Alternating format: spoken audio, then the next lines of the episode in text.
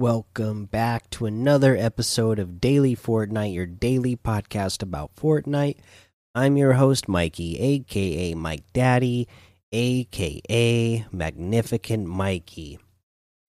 Okay, so uh, today we have the Frosty Frenzy tournament going uh, going on. Uh, going to be December 12th and 13th now. So, uh, you know, try to compete in that if you can. Remember, it's letting you uh, compete in separate regions if you want to, and uh, different uh, times. So you could, if you wanted to, uh, play Fortnite all day long in, in, the tournament.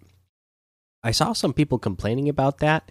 Uh, you know, some Fortnite pros, which just didn't make sense to me because I was like, well, they're giving you the option. You don't have to, but if you want to, they're giving you multiple opportunities to win multiple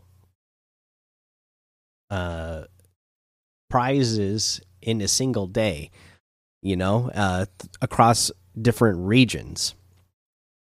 Uh but you know, I guess you just can't make everybody happy. If you wanted, you know, uh, uh, some of them seemed like they felt like, oh well, it's not good for my schedule, so they should have scheduled it all. Uh, each region on different days, so you could compete in all of them in just hours chunks at a time. Well, then you know, you, then the next thing they're going to complain is, oh well, that's not a. Even though I'm allowed to play in that region, for this tournament, even though I already competed in another one. Well, now the time doesn't work out good for me for the region that I actually live in. I mean, come on. If you, you know, if they're there, if they're allowing you uh, to, you know, go into four different uh, tournaments in the same day, that's all part of the same tournament. That and you could win four times as much money.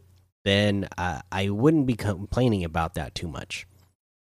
So, uh, you know, again, uh, December 12th and 13th should be fun to compete in and then also uh should be just uh should be fun to um watch as well. So go go watch your favorite pros and streamers uh play that on whichever platform you're going to watch that on. Uh let's see here they still got that Skyfall box fight in the uh, rotation for the creative map. They still haven't really been putting in any uh, LTMs this season yet, have they? I guess they're letting it uh, soak in before they start doing that. Uh, let's see here. You know, today is December 12th, so they got to be doing they got to be doing uh what do they call it that they do every year? Because now I have Frosty Frenzy in my mind. The Winterfest, right? When are they going to be doing Winterfest? I, I, I'm ready for some Christmas themed stuff to be showing up around the map and some Christmas or holiday themed uh, challenges and get rewards. Uh, I, am ready for that. So hopefully that is still in the works for this year and it's something that uh, will happen soon. Let's see. Uh, again, like I said, the, the, way they're doing these challenges or AKA quests this season, just uh, not that great to to cover on the podcast, right? Uh, so, but one of them, I think this is one that everybody has access to. Uh, I, I'm not sure if because you know some of these are they're they're timed daily. Some of them are like weekly. Some of them are, you know, legendary where you only have a certain amount of time to do them.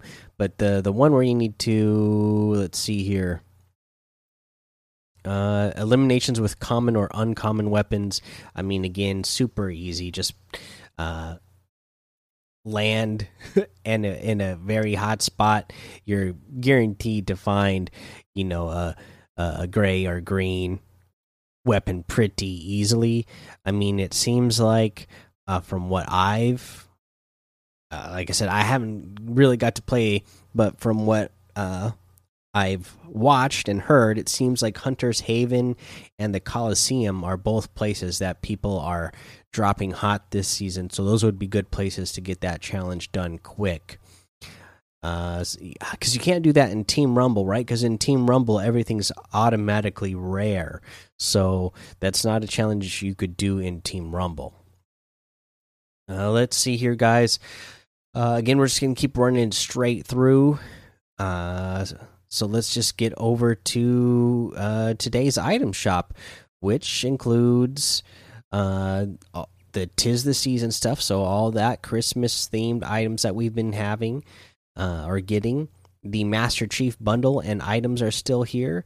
And then today we got the Guaco outfit for 1,200. The Baki outfit with the Moki back bling for 1200 the magic wings glider for 1200 the star wand harvesting tool for 800 the old school emote for 500 the pirouette emote for 200 uh, even though i haven't played i have uh, master chief uh, set as my outfit right now ever since i got it and I, I just love seeing master chief do all these fortnite emotes uh, anyways, we got some new items in the item shop today.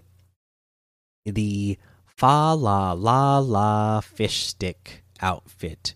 Koi to the world. this is part of the elf fish set, and this is fish stick wearing uh, an elf suit, uh, and then it comes with the fish cracker back bling. Someone carved it special, and it is fish stick, uh, but a uh, nutcracker version of fish stick. So pretty cool. This is 1,200 V bucks. Gotta love it.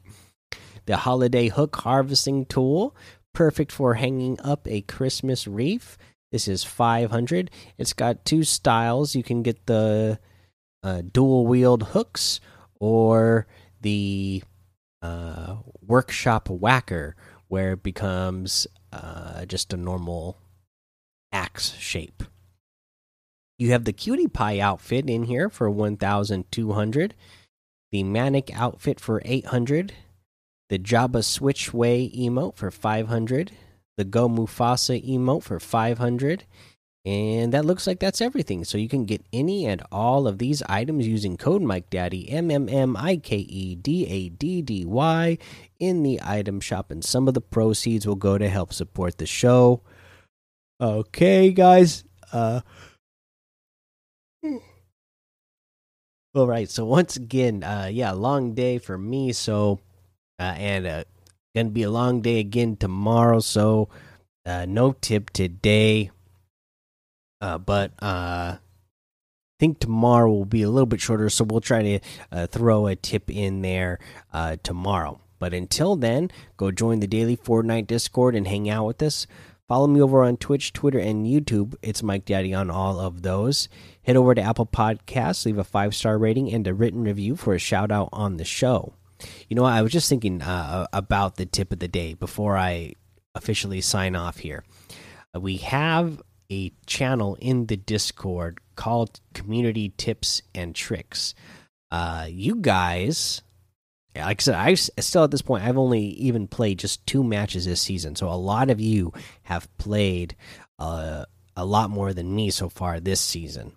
So go post some of uh, your tips and tricks for this season. I'd love to see some of them and uh, read those out and give some shout outs on the show for some uh, tips coming from you guys for uh, anything that's helping you uh, get eliminations or get wins this season.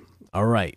Until next time, have fun, be safe, and don't get lost in the storm.